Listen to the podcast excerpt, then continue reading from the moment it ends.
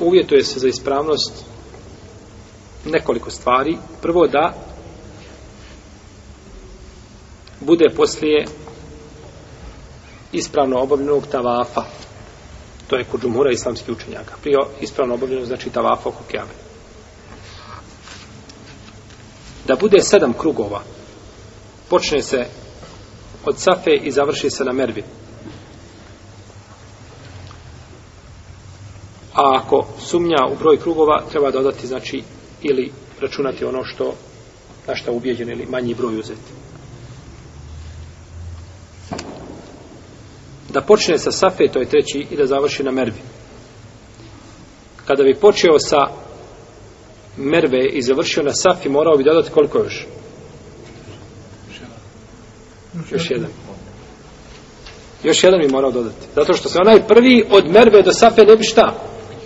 računao kao da dođeš na talaf i postaje crno kamena jedno 4-5 koraka, uđeš i kreneš. I dođeš do crnog kamena. Kažemo, taj se krug ne broji, je tako? Počni ponovo od crnog kamena, jer si, znači, počeo si sa mjesta koje nije, ne, od njega se ne treba počinjeti, u redu.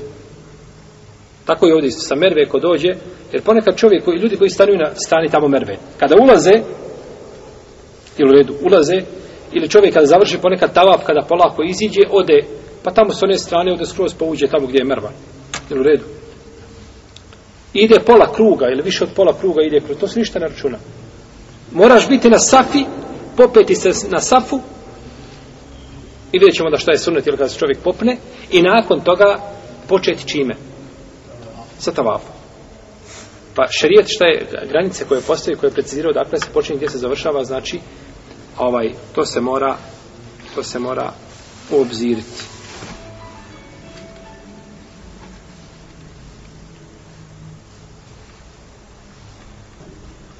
da bude saj